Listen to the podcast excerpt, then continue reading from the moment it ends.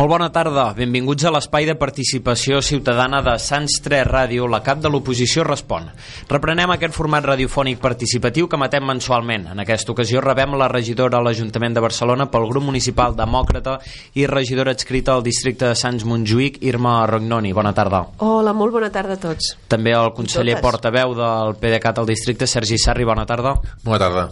Us recordem que en aquest programa sou tots vosaltres, els nostres oients, veïnes i veïns de Sants Montjuïc, els protagonistes, els que a través de la vostra opinió li fareu arribar qualsevol queixa i suggeriment del vostre carrer o barri. Des d'ara i fins a les 5 de la tarda podeu participar a través del telèfon 93 298 19 19, de manera que podeu fer les vostres preguntes i comentaris a la senyora Rognoni. Aquí saludem i li donem la benvinguda de nou als nostres estudis. Què tal, Irma? Hola, molt bé.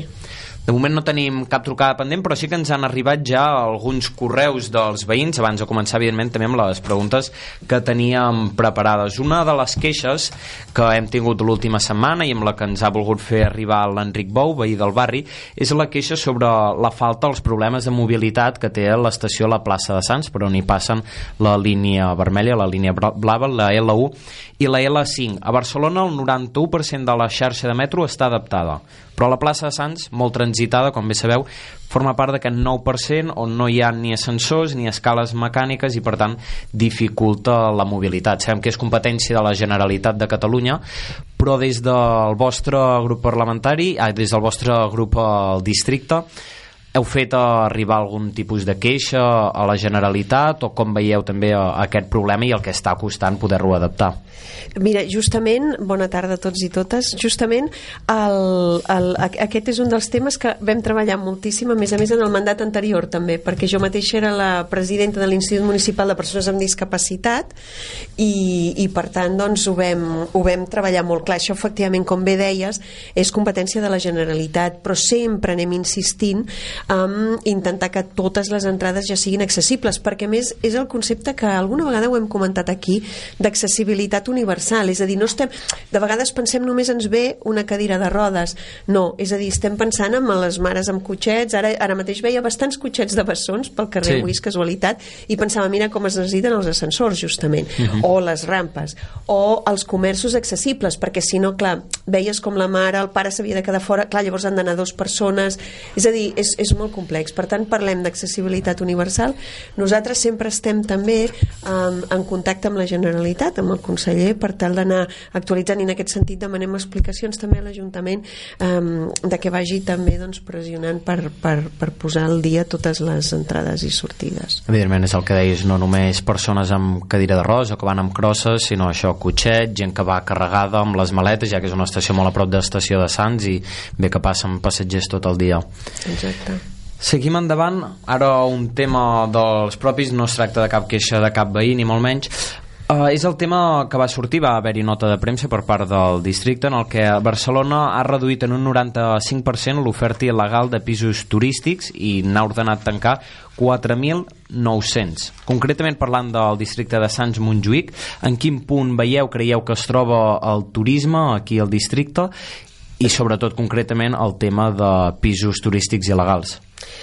Sí, a veure, és a dir, el tema dels pisos turístics ja sabeu que és un dels grans temes de Barcelona uh mhm. -huh. i que, que ha provocat tota aquesta, per una banda, manca de control i per una altra una voluntat de control i no sap molt bé com, com poder-hi fer, fer front.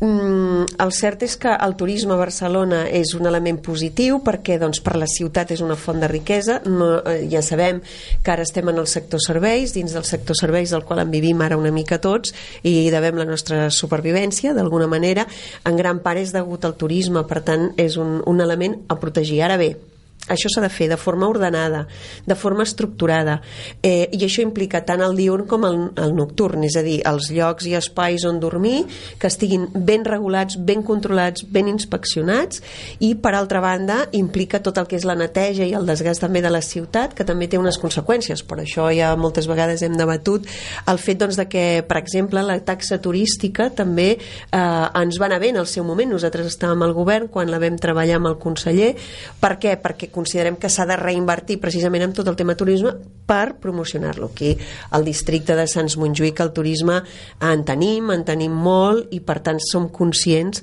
del que això representa. Però per altra banda també l'hem d'expansionar, descentralitzar en el nostre mandat vam fer els 10, els 10 plans de turismes descentralitzats i en ells vam posar tots uns recorreguts, uns mapes, era, era un pla molt potent eh, i que vam desenvolupar alguns districtes que tenim menys turisme, eh, vam apostar-hi molt fort, perquè així diguem que descol·lapsem al centre i per altra banda doncs, doncs aportem riquesa en els altres barris. Però pel que fa als pisos turístics en concret mira, volia també recordar que va ser precisament l'any 2014 sota l'alcalde Trias que vam decretar la primera suspensió d'atorgament de llicències a tota la ciutat i que va blindar el nombre d'habitatges turístics els coneguts com HUT eh, que hi ha a la ciutat. Actualment són 9.600 i eh, allà ja vam posar una, en marxa un procés per una nova regulació llavors el 2015 el guanyar l'alcaldia l'Ada Colau, l'equip Colau el que ha fet és ampliar-ho els albergs, els hotels, etc.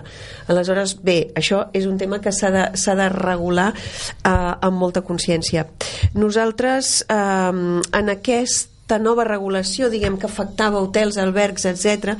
i estem d'acord i no hi estem d'acord. Eh? En la modificació del PEUAT no hi vam votar perquè considerem que hem de vigilar molt i ser molt curosos a l'hora de fer-lo perquè ens pot portar alguns problemes precisament en contra del que dèiem, eh, de fomentar la riquesa a la ciutat. Tenim molta gent a l'atur, molta gent eh, joves, eh, molta gent dels quals estem fent plans amb entitats o amb, amb ONGs, diguem, que ajuden a poder reinserir i una de les maneres és aquestes. Per tant, eh, s'ha de fer molt ben pensat, molt ben pensat i molt ben lligat, en tot cas, doncs, amb això, amb entitats que treballen en la inserció laboral, per exemple. Fer una aposta forta, que això vol dir, sí, hem de, a lo millor, seguir obrint hotels, a lo millor amb unes moratòries ben estudiades, d'acord, però, uh -huh. vull dir, molt, molt equilibrat, no així que puguis frenar l'activitat econòmica sobtada. Parl Perdó, després hi ha un, un detall important amb tot això. Aquest equilibri entre albergs i hotels i entre tipologies d'hotels. No pots promocionar ni un turisme únic i exclusivament de luxe, evidentment, ni un turisme únic i exclusivament diguem, més d'alberg motxilla, sinó que ha d'estar tot equilibrat. Eh? Has d'anar alhora entre tots els tipus de serveis per equilibrar que vingui tot tipus de, doncs, de persones de que vulguin conèixer la ciutat i que siguin benvingudes. Parlant d'equilibris i d'usos en aquest sentit del turisme, aquí al districte de Sants Montjuïc hi ha zones molt turístiques, com bé deies, una d'elles és el Poble Sec, prop de la muntanya de Montjuïc, on estan tirant i tiraran endavant un, un pla d'usos per equilibrar els serveis, en aquest cas el de la restauració, que és bastant massiu al Poble Sec, sobretot en zones com per exemple el carrer de Blai, en el qual també els veïns han manifestat a vegades aquest accés d'un mateix tipus de servei, sobretot aquesta part més negativa del turisme al seu barri. Sí, clar, és que això és el que porta, porta el que dèiem abans, eh? aquest desgast, aleshores, clar, la neteja ha de ser molt més intensiva. Realment, mm, en, en, en, en aquesta part hi ha una concentració brutal. Clar, això és un error en un moment determinat de donar tantes llicències uh mhm. -huh. que potser en aquell moment no tenien una, una normativa, una regulació. El que s'ha de fer ara és anar a poc a poc, no pots deixar la gent sense feina. El Barcelona viu, i també Catalunya, però Barcelona específicament pensem que la riquesa ve d'un més o menys d'un 98% és el petit comerç, el que és comerç, eh? 98% perdó, no la riquesa, perdó, m'he equivocat amb el concepte, eh? del comerç, un 98% a Barcelona és petit comerç. Per tant, què vol dir? Vol dir que a lo millor en un d'un bar poden sobreviure, imaginem, una o dues famílies. Bé, doncs ja estem donant, ja estem donant una sortida dos nuclis familiars. Eh, clar, però això s'ha de fer, com dèiem abans, dins d'un ordre clar, no pots acumular un excés de terrasses. Després tenim el problema de les terrasses, clar, perquè si estem a fora, aquí estem en un clima mediterrani, ens ve de gust xerrar fora, l'aire lliure, prendre coses... Eh, bueno, no sé, el Sergi també està molt amb aquest tema i, i bueno, la veritat és que hi hem passejat molt, ho hem viscut molt, hem parlat molt amb ells i, i la veritat és que clar, eh, el problema ara és com regular un cop ja està tot Exacte. fet Uh -huh. Seguim endavant un altre dels projectes que es va publicar fa, fa poc, fa cosa d'una setmana, és el del centre Coopolis a Can Batlló. En dos anys d'activitat, Coopolis, Ateneu Cooperatiu de Barcelona, ha atès 4.201 participants, ha desenvolupat 300 activitats en 21 barris de la ciutat, ha acompanyat 163 projectes i el naixement de 53 noves cooperatives i ha contribuït també a la creació de 167 nous llocs de treball a la ciutat. Ara aquest centre Coopolis que s'establirà a Can Batlló en un projecte de curt mitjà termini. La meva pregunta és eh, amb quins ulls veieu aquests projectes de cooperativisme, sobretot amb força presència aquí a Sants Montjuïc. Fa poc es van donar els Premis Ciutat de Barcelona, a la Directa, als Umzeig, a, a, als arquitectes de la Col i ara doncs amb aquest centre aquí Can Batlló que també acaba de fer prendre més força en aquest moviment. Sí, justament els vam visitar ara fa pas, no, no, no fa pas gaire que vam anar-hi, sí, exacte i, i, i la veritat és que bé, és, és, són molt actius el centre és fantàstic. Um, la idea, evidentment, nosaltres la compartim totalment. Nosaltres també creiem molt en el sistema de les cooperatives i precisament sota el mandat de Tries moltes coses que vam intentar fer també van ser a partir de cooperatives perquè és un sistema molt igualitari que lliga molt també més amb la societat el nou paradigma que hem d'anar Eh, eh, ara, per exemple, tenim molts casos d'escoles, ja en el seu moment a la història, eh, també van existir uh -huh. escoles més de tipus cooperativista, que ara sembla que, que retornen. Passa que, com tot, sempre ha de ser eh, equilibrat. Ara em refereixo a un tema educació. Pel que fa a Còpolis, no, ens va, el, el projecte precisament va néixer sota, sota el mandat, ara el Sergi després pot, pot afegir més, més detalls perquè ells estaven aquí el, amb el nostre company Jordi Martí, el Sergi estaven a l'equip de, de govern d'aquí de Sants Montjuïc i per tant nosaltres vam creure i vam apostar fort perquè poguessin estar allà i a més a més tot el que això representa de naixement i de vivers mm, de noves iniciatives penso que la, la, la sortida ara per la gent jove eh, i el nou món laboral del segle XXI després de passar pel mobile, smart cities tots aquests congressos que ens donen una mica d'idea de futur, de cap on anem i anem cap a un trencament de paradigma brutal i per tant doncs a, a, aquest està en la línia. Eh, nosaltres estem amb el projecte. Una altra cosa que ens porta això també eh, és una forma les cooperatives ja en el seu moment quan va sortir la llei catalana de, de cooperatives que és, Catalunya sempre ha estat pionera amb això. Ja en el seu moment eh, ja es va veure que també e, és una possibilitat per poder treballar el tema d'aquests salaris que són tan precaris que tenim, uh -huh. que és aquest desastre Exacte. que tenim ara, eh? que llavors fa, fa fer que no puguem pagar lloguers, no podem arribar a final de mes, sobretot les persones que, que, que, que els sous són, són una mica més de 1.000 euros, eh, imagina que tens un fill, dos, parella, pis, és igual, aigua, despeses de casa, que no pots arribar, i les cooperatives són un bon mecanisme que potser ens poden servir també per reequilibrar aquest aspecte d'una forma col·lateral. Concretament, quin tipus de mesures o polítiques municipals es poden prendre per incentivar el cooperativisme? El cooperativisme es pot, es pot prendre, es pot fomentar des d'un punt de vista municipal en tots els aspectes. Mira, fins i tot ara comentàvem, eh, com el cas de l'escola, precisament també és a Can Balló, que hi ha aquesta, aquesta voluntat eh, que això, clar, s'ha de compaginar aquí amb l'escola de Can Maiol, eh, que l'escola de Can Maiol ha fet una aposta fortíssima uh -huh. per un projecte educatiu brillant que ara ha fet que tingués llista d'espera d'alumnes per això et deia que s'ha d'equilibrar, però en canvi la pots promocionar a molts nivells. Però sempre ben fet, ordenat, estructurat, eh, com el que dèiem abans. Eh, cooperatives en el sentit doncs, de producció. Per exemple, en el camp de les TIC, que és feina de futur, però no ens pensem que només és de futur per enginyers industrials que han estudiat i tal, no, no, mira, ahir estàvem tenint un debat intensíssim sobre com promocionar si tot va bé en el mandat proper, tot el que és el sistema de, de la, de, de, del post obligatori o de la FP, modernitzar-la i que també puguin crear cooperatives. No sé, per exemple, Fundació de Manresa està formant joves eh, amb, amb tecnologia punta per casos concrets eh, i que hi ha uns ninxos de feina impressionants i aleshores què et diu que aquests joves després no es puguin constituir en una cooperativa també alhora, no necessàriament has de tenir l'opció una feina d'una persona que té una empresa i et contracta, no necessàriament, sinó que podem compartir els beneficis que generem també. Sergi, abans l'Irma comentava que tu vas estar dintre d'aquest projecte que va tirar endavant a Coopolis. Bueno, bàsicament per aclarir una mica, eh? El, la gent de Can Batlló, no? els va organitzar una part per muntar aquest projecte d'Ecòpolis i van fer un, una gran feina realment molt ben trebada i ens la vam presentar i vam considerar doncs, que era doncs, un espai doncs, que no s'estava diguéssim fins a Barcelona activa per tenir un, un nínxol de mercat diguéssim buit uh -huh. pel que fa a Barcelona i per tant doncs, que podíem i havíem doncs, d'intentar incentivar-ho no? i més a Can Batlló que era un espai d'oportunitats no? un jardí d'oportunitats que teníem allà davant per començar a construir uh -huh. i per tant doncs, vam necessitar el suport per començar a connectar-nos amb Barcelona activa i fer-lo possible no? aquest projecte doncs, que ha tingut continuïtat i que ja veiem que està en actiu a Can Batlló, que té els seus fruits, que té els seus resultats i que esperem doncs, que tiri endavant durant molts anys amb aquest èxit, I tant. que vagi creixent. Quan falten 5 minuts per dos quarts de 5 de la tarda, recordeu que de 4 a 5 a Sants 3 Ràdio, el programa La Cap de l'Oposició respon amb la regidora l'Ajuntament de Barcelona pel grup municipal demòcrata i regidora escrita al districte de Sants Montjuïc, Irma Rognoni. Li podeu fer arribar les vostres preguntes, queixes i suggeriments al 93 298 19 19. Repeteixo, 93 298 19 19. Ara, Irma, m'agradaria posar el focus en les properes eleccions municipals municipals. Com et trobes a nivell Estan personal? a prop, eh? Exacte. jo motivadíssima. Tornaràs a presentar? Uh, bueno, ui, això és un procés complex, eh? Dins dels grups municipals encara no se sap.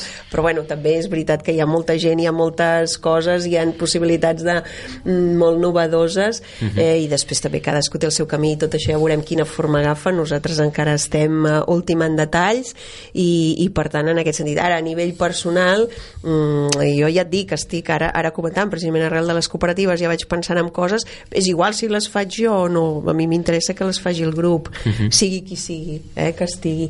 Per tant, eh, però la, la passió eh, la passió pel municipalisme és única, eh? o sigui, és una experiència única única, perquè és molt diferent a altres nivells. Jo havia treballat molt també en elaboració de lleis o amb qüestions puntuals, doncs no sé, el Parlament Europeu o el Parlament Català, amb modificacions de lleis, esmenes de diferents grups, etc també, però, però realment el municipalisme és apassionant perquè és que estàs al costat del ciutadà, o sigui, és, és el més a prop el, el ciutadà, la política local i, i jo ja fa molts anys quan era jove, i això fa molts de veritat, molts anys eh, ja vaig escriure un article eh, arrel d'un esquema de multitrack diplomacy que es treballava als Estats Units sobretot al Departament d'Estat ja vaig treballar una, una cosa que en dèiem diplomàcia ciutadana que vol dir després en mediació ho he pogut treballar millor eh?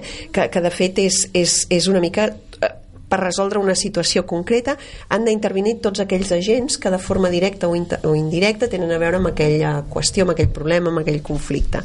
I, i jo ja vaig dir en aquell moment, l'article ja deia que creia que la política local, sense saber que jo després un dia seria regidora, eh? Eh, que la política local era el lloc principal per desenvolupar aquesta diplomàcia ciutadana, que tots, tots els agents que actuen o interactuen en una ciutat eh, tots fan diplomàcia ciutadana Per recordar-ho als oients, que normalment estan acostumats a veure una persona visible, el que es presenta directament a les eleccions municipals, com s'escullen les llistes per després acabar integrant les diferents regidories als districtes? Sí, o sigui, les, eh, és que és, és la política local també per altra banda aquí a Barcelona és molt complicada en el sentit de que tenim això que tu dius, els 10 districtes. Una cosa és els partits, com configuren les seves llistes, cada partit fa doncs, de la seva manera, nosaltres en concret, cada partit i cada districte fa les seves primàries, fent, fent les primàries generals, les primàries després, que a cada districte doncs, surten escollides unes determinades persones, n'hi ha unes de sector, hi han diferents tipus de, de llocs. No?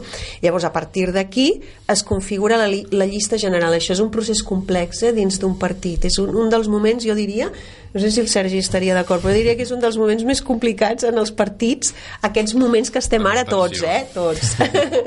sí, sí, sí. Després ja, quan es configura finalment la llista, ja surt la candidatura, aleshores ve el moment d'inici de la campanya.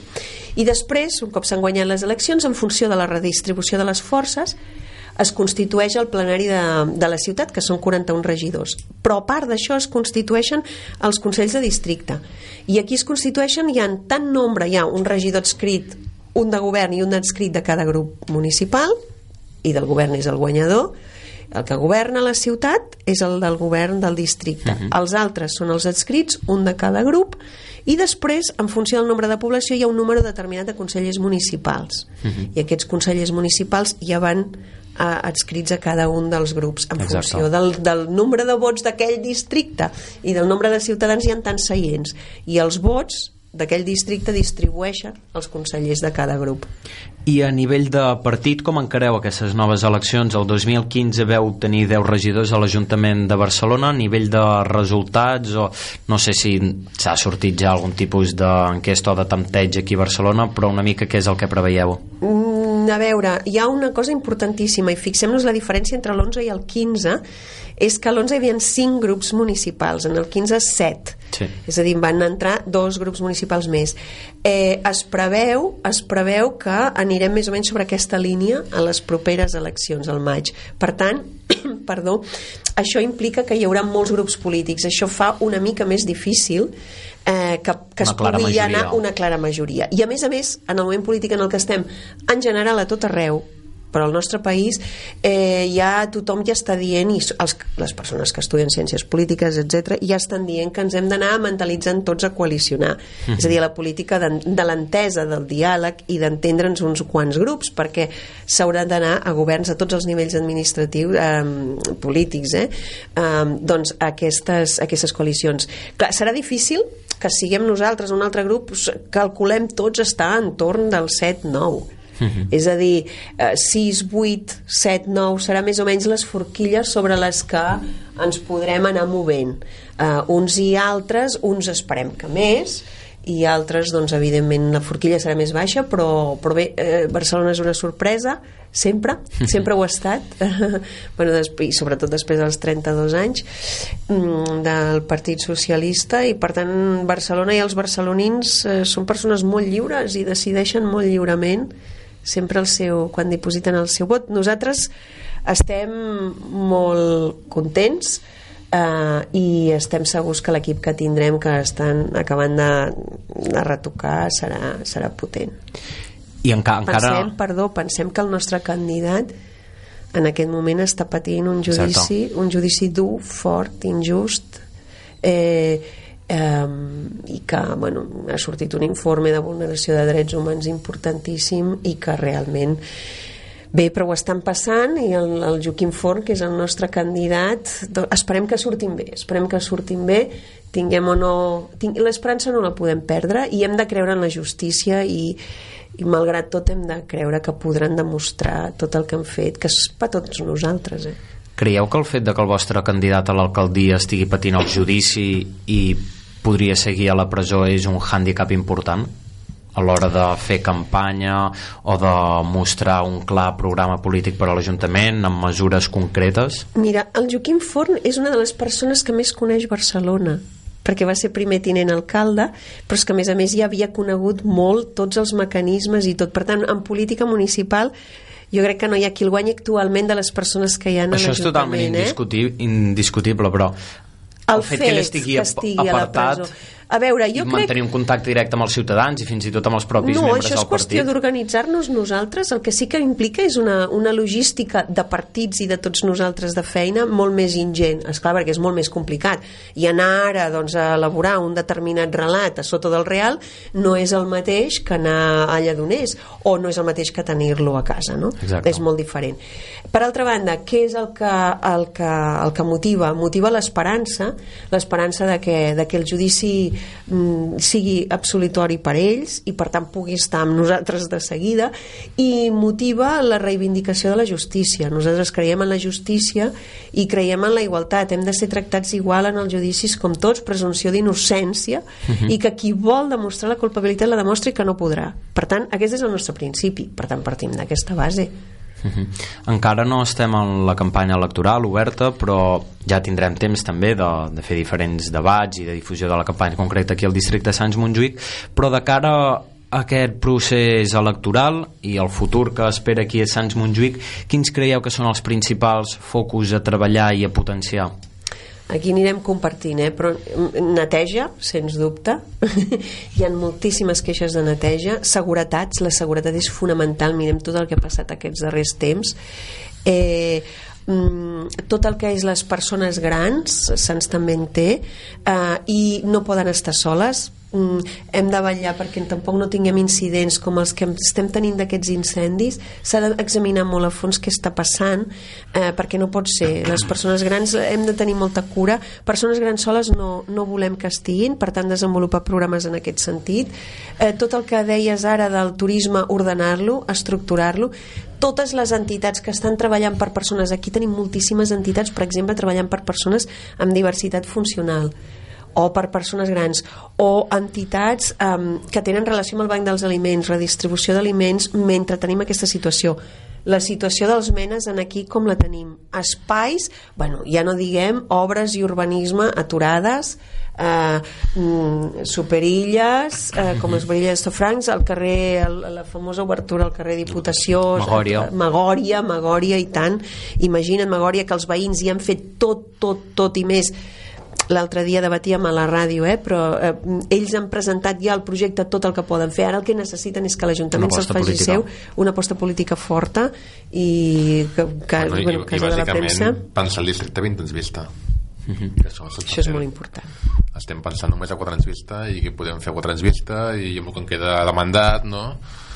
I per tant hem de començar a pensar 20 anys vista no ho hem fet en aquests últims 4 anys intentem fer en els propers 4 anys Clar, perquè aquí també hi ha la incertesa de quin serà el proper mandat, quin serà el, el partit que arribarà, quins seran les seves mesures i a vegades un partit incentiva certa obra o cert projecte que igual el partit que arriba darrere no creu que aquella sigui prioritària. Aquí poder fa falta més consens entre tots els partits. Sé que és difícil en moltes coses, però igual en matèria d'urbanisme, que està fora de qualsevol ideologia, poder ser més fàcil arribar a acords, no? clar. L'urbanisme hauria de ser-ho. ser-ho. L'urbanisme és primera, és apassionant i dos, és importantíssim perquè eh, és el que diem eh, transformant l'espai públic transformes persones. Per tant, al tanto quan toquem l'espai públic eh? a on el portem. És a dir, perquè estem portant a les persones que gaudeixen d'aquell espai públic a un lloc determinat sí o sí, mai mai més ben dit eh? per tant, al tanto quan ens dediquem a espai públic. I, per altra banda, um, el que deia el Sergi és molt important, eh, pensar 20 anys vista, perquè, clar, mm, no és el mateix pensar, doncs, no sé, en un espai que saps que ha de ser... eh, Un, un altre debat que estem tenint aquests dies, un espai polivalent, que de moment, a lo millor perquè la taxa de natalitat t'ha portat a que tinguis més infants, l'has de transformar més tipus escola, però a lo millor d'aquí un temps, quan la taxa de natalitat i aquell grup ja s'ha elevat a secundària, a lo millor s'ha reduït la taxa de natalitat, ara estic fent una hipòtesi, i aquell espai, en canvi, ha de servir per gent gran. Per exemple, per tant, vol dir que a 20 anys vista hem de generar espais, com deia el Sergi, amb una perspectiva diferent, no d'aquí 4 anys, però és que això està en connexió directa amb la qualitat democràtica que té connexió amb el que deies abans. És a dir, això que deies de la irrupció, que pre em preguntaves també, no?, dels nous partits, de les majories, tot això. A veure, hem de, hem de ser molt conscients del que ens ve. I, i clar, mm, jo el que he vist respecte al mandat anterior, que he pogut comparar els dos mandats, eh, el que he vist és que, és clar, si els temps que tenim ens els hem de distribuir molt més amb moltíssima més gent, per tant reduïm els temps d'intervencions, per exemple, es nota molt, una cosa que he notat molt, els plenaris o les comissions.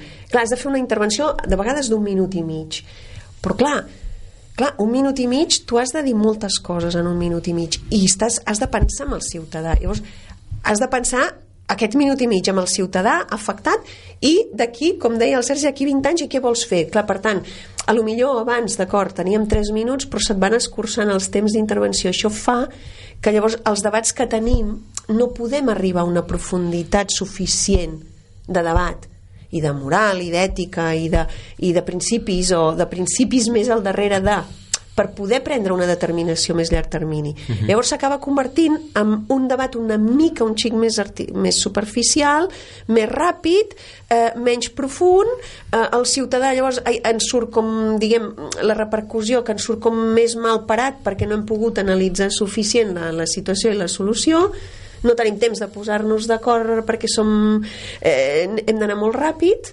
eh, i això va en detriment del que en diríem la qualitat democràtica. I això sí que és un problema. I això està directament connectat crec amb que el que deia... tota, tota la raó vull dir, hi ha un problema de televisió no? hi ha un problema de l'espectacle Sí, evidentment, en la política hi ha sempre aquest punt. però més accentuat no, últimament i per tant Clar. aquí hem perdut espais de debat reals perquè espais de debat reals entre partits no n'hi ha Mhm. és així de trist avui dia n'hi ha, bueno, comptats reunions de treball, alguna que n'hi deu que és gran Però no hi ha espais de debat reals. I per tant ens trobem els monòlegs de cada partit Sí. que exposen doncs, el que creuen que s'ha de fer però aquest debat puntual que hi ha en aquell moment és teatralitzat molts cops.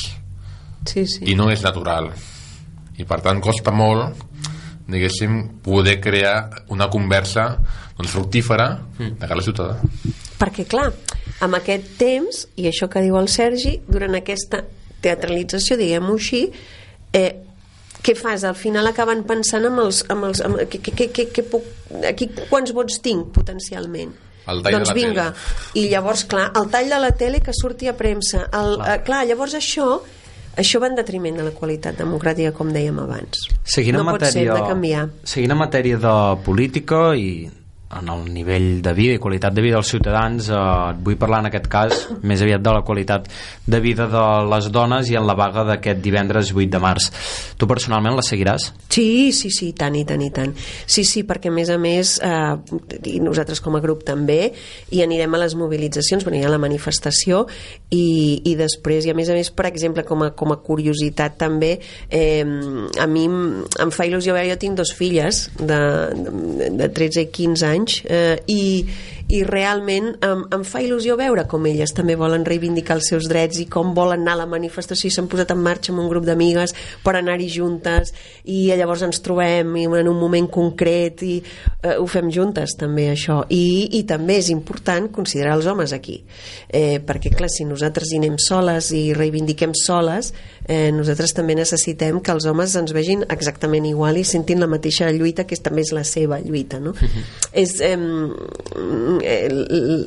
l'equilibri l'equilibri entre tots igualitari és, és la clau de tot. El que no pot ser per això és que no pot ser és que realment tinguem angúnia d'anar pel carrer sí, no pot ser que ara comencem a pensar escolta que es fa fosc, ara he d'anar a aquell carrer. És que, és que com és possible que haguem caigut en això? No, no pot ser de cap manera o que, o que ens faci angúnia segons com agafar segons quin transport a segons quines hores o, o això, sortir d'un bar eh, eh, tard, bueno, doncs a veure ara com ho faig o, o imagina't, amb la idea d'haver d'anar acompanyada vull dir, és que ahir és a TV3, fortíssim ahir a TV3 amb els doc- documentals que, que en quals parlant de les reivindicacions de les dones, sortia una xifra de que més de la meitat de les dones en algun moment han canviat els seus plans perquè sabien que al final d'aquells plans havien de tornar a casa soles, per tant per aquesta pols havien canviat i no havien fet el que els hi, el que els hi venia de gust. També et volia preguntar respecte al que deies el paper dels homes d'aquest divendres a la manifestació, al llarg de la mani- manifestació hi han grups no mixtes, evidentment només per, per dones. Quin paper creus que han de ser el dels homes? Perquè a vegades surten alguns homes volent donar lliçons sobre feminisme i, i jo almenys penso que el paper dels homes en aquest cas és més aviat de callar i escoltar que no de voler prendre partit o ser protagonista activament Sí, sí, jo crec que tu ho, te, ho, ho tens molt clar i, i tant de bo tothom pensés com vosaltres. O sigui, mm, la, la, la idea de sempre és l'equilibri, és a dir, ni un extrem ni l'altre. Hem de tendir a un equilibri. L'equilibri com eh, s'aconsegueix? Amb la naturalitat cal ser naturals, és a dir, el que hem de ser és naturals. És a dir, eh, doncs si anem en família, doncs pare, mare, fills, filles, vull dir, tots junts i compartir aquest moment. I l'interessant d'això és que després tinguem debats entre tots. Qui diu les famílies, diu els amics amb amigues. I que ho puguin debatre tranquil·lament i que les noies expressin la seva opinió i els nois també. Natural, natural. I si hi ha algun punt que als nois els preocupa, com hi han punts que els nois també estan preocupats actualment, perquè també és veritat que les dones potser ens n'hem anat una mica a l'altre extrem, potser. I hi ha nois que també diuen, home, ara jo em sento... D'acord, per això hem de trobar aquest equilibri entre homes i dones. Entre els... El que no pot ser és que que mantinguem eh, llocs de treball amb sous completament diferents o els productes, avui hi ha un producte concret d'higiene femenina que és molt més car. Sí, perdó, és eh, la, això d'afaitar Les maquinetes, la de maquineta d'afaitar la, com la que es lle... aquella de... Les fulles. les fulles aquestes. Com pot ser i permeteu que posi aquest exemple però que la d'afaitar la barba sigui més barata que la nostra de, de, de, de, de depilar-nos un moment les cames. Perdó que posi aquest exemple. No, no, però sí, sí, tens però tota és que és així però si és la mateixa, Gillette no, bueno, Gillette és una marca que es passa sent nom però, però com és possible però com, com pot ser aquesta que, que, és, que és una injustícia, això segur que estem tots d'acord. Això no hi ha dubte, per tant, però clar qui no estigui d'acord és aquí on hem d'anar. És aquesta mentalitat la que hem de canviar. I qui diu això, imagina't el anar pel carrer lliurement, tranquil·lament a l'hora que sigui Mhm. Parlaves d'algunes posicions extremes d'algunes noies, a què et refereixes concretament? No, és veritat que, per exemple, vaig a una escena molt quotidiana, eh? Clar, també vam veure l'autobús aquest passant per aquí a Barcelona, el d'Azteoir, que comprava les dones amb, amb els nazis, ni més ni menys. Sí, no, això és una altra, una altra història. Però no, no, no, jo em referia a una escena quotidiana típica i que, a més a més, en un debat una vegada de televisió vam, vam tenir ocasió de, de debatre-ho, no? I és, és que mm, una cosa molt senzilla, eh? Molt senzilla, però que cometem errors les noies, també, les dones, eh? Per exemple, no, no, ja poso jo la, la rentadora perquè és que, és que el meu marit o la meva parella no en té ni idea i encara sortirà tot descolorit. Per exemple, mm. aquest pensament és nostre És masclisme, masclisme. També. Evidentment, sí, està molt arribat. Eh, eh, eh, és, és nostre o, eh, no, no, no, ja vaig a comprar perquè com que segur que s'equivocarà i em comprarà l'altre pe peix que no és per, per exemple, Exacte. I tots aquests comentaris tots aquests pensaments o sentiments perquè això ho sentim, per això ho diem sense voler, aqu aqu aquests són els punts importants A nivell de partit, feu algun tipus de formació interna? Xerrades, conferències o, o debats, debats com deia, com deia abans el Sergi, sí que surten. I també surt moltes vegades quan treballem un aspecte concret, però col·lateralment de vegades surten aquests aspectes i els treballem. Però és cert que també la política és dura, igual que el món de l'empresa, hi ha molts més homes empresaris. Mira, només cal veure una nota de premsa de l'Ajuntament de Barcelona, crec que era d'ahir o d'abans d'ahir, mm, eh, en honor als bombers, eh, que era la seva festa patronal, hi ha una fotografia a la plaça Sant Jaume i només hi ha tres dones i hi ha com, no sé, potser 50 homes ara no sé exacte, però vull dir era molt frapant veure la diferència no? clar, els sous igual, igualitaris, el accés als llocs de direcció, la conciliació i el permís de maternitat i paternitat això és molt interessant, per mm. què? perquè clar mira que a, això ens queden uns minuts no, és que això és molt interessant eh, perquè de vegades el pensament no va alineat amb l'acció que volem fer que és la igualitària. Per exemple, és fonamental que el permís, mira què diré ara, eh, de paternitat sigui obligatori. Per què? Perquè és l'única manera de desestigmatitzar les dones amb el permís de maternitat o les feines quan les volem O tenir. tenir cura del, del nen petit quan acaba de néixer, que a vegades sempre estem més acostumats a veure la mare en braços. Exacte. Això també. Però no, tu vas, tu vas a una entrevista laboral i diuen, uf, ets una dona als voltants de 30-36, saps què? Que tens fills?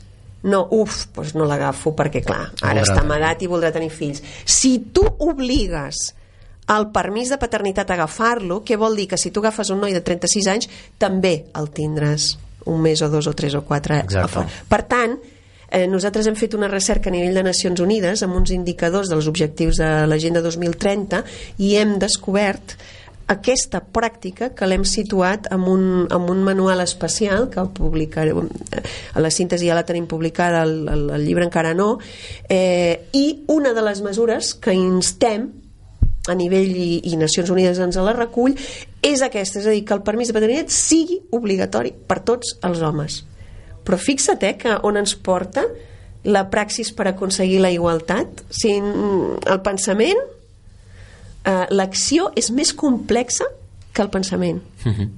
Totalment. però és que l'hem de fer perquè si no no assolirem la, la igualtat real Tenim un nou correu que ens acaba d'arribar. És de la veïna Carla Gutiérrez, veïna de... i la seva pregunta és referent a l'escola de Sant Medir, just aquí darrere d'on estem a nosaltres mateixos. I el seu correu diu En aquests moments a l'escola Sant Medir està posant formigó una zona que amb els veïns es va pactar que, tenia, que havia de ser verda i sense cap permís d'obres municipals.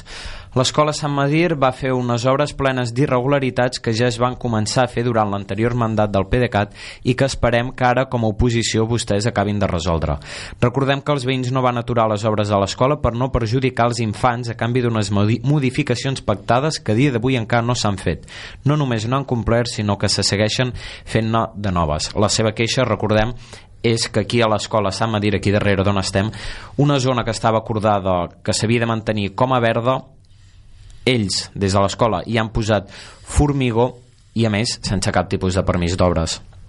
A veure, jo el que li diria a la Carla, prim, bueno, primer és agrair doncs, que ens faci arribar i, i ara, ara, ara respondrem eh? um, el que, això del formigó ara estan posant formigó això ja m'estranya perquè hi ha una mesura de govern eh, que es diu escola no es diu escola verda però ara no recordo el nom exacte de la mesura de govern perquè encara és fa poc temps que dos, tres mesos que es la vam aprovar en el Consell amb tots els grups polítics i, eh, mira, aquí veiem la fotografia, gràcies, eh, Carla, eh, ens ho examinarem. Però eh, aquesta és, és eh, acostem Albert a les escoles i per tant eh, m'estranya això del formigó o d'alguna manera el que podríem fer és intentar que aquest formigó mm, d'alguna manera o tornés enrere o es transformés eh, i realment eh, es posés eh, amb espai verd de totes formes ara, ara ens, ho, ens ho mirarem amb calma i, i el que farem és mirar com, com podem donar un cop de mà en aquest sentit I tant. en base a aquesta mesura de govern mm -hmm. Quan queden 10 minuts per les 5 de la tarda ens trobem al programa La cap de l'oposició respon a Mirma Rognoni si algú li vol fer arribar alguna queixa o pregunta que truqui al 93 298 19 19 i jo ara volia parlar un tema que has tret abans, Irma, i és el dels incendis fatals al carrer Suri i carrer de Sants, on han mort una persona cada un d'aquests dos incendis i també, tot i que no és el nostre districte però és d'igual importància, també dos morts en un incendi a les Corts aquest passat cap de setmana. Això obre dues, dues qüestions principalment hi veig una és el per què d'aquests incendis tan junts en un, en un espai de temps tan curt i l'altra és la necessitat que s'ha vist evident de trobar pisos socials per a les persones que a causa de l'incendi en necessiten un sí. de substitució Sí, sí, sí, sí, sí, sí, exactament, són aquestes dues branques.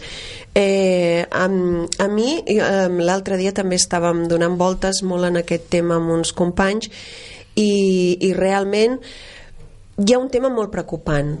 Fa molts anys eh, que és un tema que preocupa, però crec que ens hi hem de posar forts perquè, clar, l'esperança de vida cada vegada és més llarga i, i bé, i per tant doncs això és un tema importantíssim que és que jo no sé si convindria a Barcelona fer algun tipus de mesura de que les persones quan o que pateixen determinades eh, diversitats funcionals diguem-ne així eh, algun tipus de dependència algun tipus de pèrdua d'autonomia d'algun tipus que de seguida poséssim, poguéssim posar-hi solució. Via, però això seria una cosa que hem de pensar bé com a mesures pel proper mandat, eh?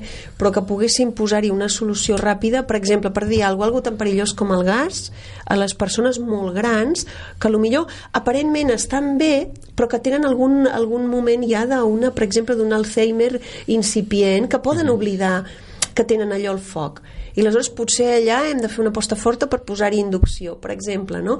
Mm, perquè no s'encén, s'apaga al cap d'un temps, és a dir, evitar els perills a les persones soles. Però això implica que hauríem de fer també molts més, eh, per exemple, a les persones grans, pisos amb serveis, perquè mantinguin l'autonomia, però que la persona estigui més protegida, més vetllada, en pisos ja preparats, preparats per això.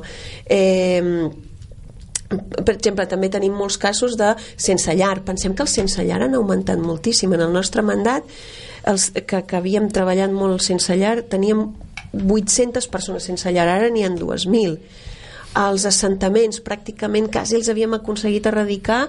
Treballant, és un treball costós. Ara han tornat, n'hi ha més que mai a la ciutat de Barcelona. Eh, tot això que fa? ocupacions de pisos. Les ocupacions no només el que representa per tot el que és la nostra estructura social i estat de dret, que hem de tenir un bon habitatge social, un bon parc, unes bones taules d'emergències, tot això ho hem de tenir, però paral·lelament no podem saltar-nos les trampes i la llei i fer trampes i tot això i saltar-nos i ocupar pum a cop de porta que després resulta que passa alguna cosa i es crema que també alguns pisos d'aquests ha passat altres no, eh? és a dir, hi ha, hi ha molts tipus eh, de, de situ... i després hi ha situacions imprevistes que clar, tot el que sigui prevenció tothom que faci les revisions del gas, electricitat, sobretot totes les persones, famílies que estiguin a casa seva, que ens sentin que no se n'oblidin de trucar a les companyies per fer revisions periòdiques molt important la seguretat. I la seguretat comença per nosaltres mateixos. Recte final... Extin perdó, extintors a les escales. Mm. ja hi ha inspeccions però recordem que és obligatori. Evidentment. Eh, però clar, hi ha un problema que els hem de fer servir els hem de fer servir quan es necessiten i això vol dir saber-los utilitzar jo mateixa no n'he obert mai cap perquè l'altre dia pensava, no n'he obert mai cap que el dia que passa eh, una cosa, com, com ser com aquests més grossos, com fer-los anar no? és a dir, clar, tot això hauríem de tenir molt més treballat eh, com a societat, hi ha societats que ho tenen molt més treballat que nosaltres Deia, recta final del programa al cap de l'oposició respon, poc més de 5 minuts i has tractat el tema de, dels pisos i de l'ocupació és un dels temes que també volia parlar i és que diumenge passat, fa dos diumenges, es va celebrar una manifestació aquí a Sants contra els pisos ruscs i en defensa de l'habitatge digne. Aquesta manifestació precisament va acabar amb l'ocupació d'un pis al carrer Gaiarre per donar allotjament a, a sis persones que es trobaven en una situació de vulnerabilitat. Com, com veus aquest tipus d'ocupació? Nosaltres eh, nosaltres, la, la, la, nosaltres no creiem en l'ocupació com a forma de, de, de, de tenir eh, garantit el dret a l'habitatge no, perquè hi ha moltíssima possibilitat, eh, en aquest cas parlo d'àmbit municipal, per exemple, que és el que conec molt bé i a més a més el conec profundament pel fet d'haver estat a nou barris del mandat anterior i aquest tema el vam treballar moltíssim. El problema que tenim és que no tenim prous pisos, això sí, i llavors què hem de treballar? Hem de treballar com aconseguir més pisos. Eh, això sí, fer més pisos, més habitatge social, etc i que els processos siguin més ràpids. Però segueixen havent-hi pisos buits. Segueixen havent-hi pisos buits i això és el que s'ha de treballar. Has de seure amb els bancs i eh, arribar a acords per obtenir-los. Jo, per exemple, em vaig obtenir de bancs sense fer gran cosa, eh, a més a més fixant el preu de lloguer, el preu de lloguer, el preu que Serveis Socials ens deia que era el màxim que podia pagar la família i de vegades eren 100 euros al mes. Uh -huh. Eren 100 euros al mes. Però 100 euros al mes i d'aquests en vam fer bastants. Vull dir que tot és possible. El que passa que, clar, un, s'ha de construir habitatge social, no pot ser que se'n prometin, em van prometre no sé si 4.000, dels 600 que, que se n'han fet en aquest mandat, 400 ja provenien del nostre mandat. Doncs, doncs com a mínim n'haguessin hagut de fer molts més, i, i més si n'havien promès 4.000, no? Vull dir que en l'habitatge social eh, i l'habitatge preus de lloguers assequibles, eh, contingents per persones amb vulnerabilitat, persones amb discapacitat, diversitat funcional, joves, etc. Tot això ha d'estar a tope, uh mhm. -huh. ha d'estar a tope i anar donant sortida per les vies. Els pisos russos nosaltres no hi estem gens d'acord. És el que et volia demanar quan queden És 3 minuts per les 5, el tema dels pisos russos. El govern actual no els hi dona llicència. Si guanyés no. el vostre partit els hi donaríeu? No, no, no, perquè és infrahabitatge. És a dir, no, no pot ser. És a dir, eh, una cosa és que necessitem habitatge i construïm-lo, hi ha moltes maneres de construir i d'acord que podem fer servir exacte, una construcció millor més modular, hi ha mòduls molt bons avui en dia, és cert és cert, eh, el que passa que ha de ser un habitatge digne i que compleixi evidentment tots els permisos que correspon és a dir, no, no, no, no estem a Japó amb un problema de superfície com el de Japó i que té com aquests ninxos que, que, que com que en terres vius no. Tenim sistemes de pisos eh, per gent gran, doncs pisos amb serveis i són pisos molt menudets que per una persona sola o dos són magnífics i la gent gran està supercontenta, és el que desitjaríem tots jo també desitjaria això eh, pels, pels meus amics, les meves, la meva família, per mi mateixa i, i en canvi comparteixes espais comparteixes espais, comparteixes serveis però també alhora tens la teva independència mentre mantens autonomia. I qui diu això, diu els contingents per, per, per joves, per exemple pisos per persones joves, per parelles que s'acaben de casar mm, vull dir o no, que viuen en parella, perdó, eh? vull dir, això no dic que casar perquè volen fer un nucli familiar estable, diguem, eh, sigui com sigui i el que sigui, o que simplement volen compartir pis. L'altre dia estàvem parlant en el Consell Plenari de les Universitats com pels estudiants poder fer més oferta, perquè és un dels temes, pisos compartits, compartim gent gran, per exemple, és un problema, evidentment, que és de les principals preocupacions dels veïns. Ho vam veure just fa aquest cap de setmana, també el Carnestolta se'n va fer ressò, nombrant a el reina del carnaval, el personatge La Llogatera, amb aquest objectiu de denunciar la falta d'un habitatge digne. Sí, sí, sí, sí, sí justament, eh? Que ens vam poder, vam poder, per cert, que uns carnavals que han sigut espectaculars, eh? En el nostre districte aquí a Sants Montjuïc. Sí, tant, com sempre, com sempre igual de concorreguts i amb moltíssima participació. Arribem ja a les 5 de la tarda no, no podem allargar més el programa al cap de l'oposició respon a Mirma Rognoni regidor adscrit al districte de Sants Montjuïc, també amb Sergi Sarri, conseller portaveu al districte pel PDeCAT, el grup demòcrata. Moltes gràcies a tots dos per una nova edició. Gràcies a vosaltres i a tots. I als veïns i oients, moltes gràcies per seguir-nos. Podeu tornar un altre cop amb aquest programa en la propera edició mensual. Moltes gràcies i bona tarda.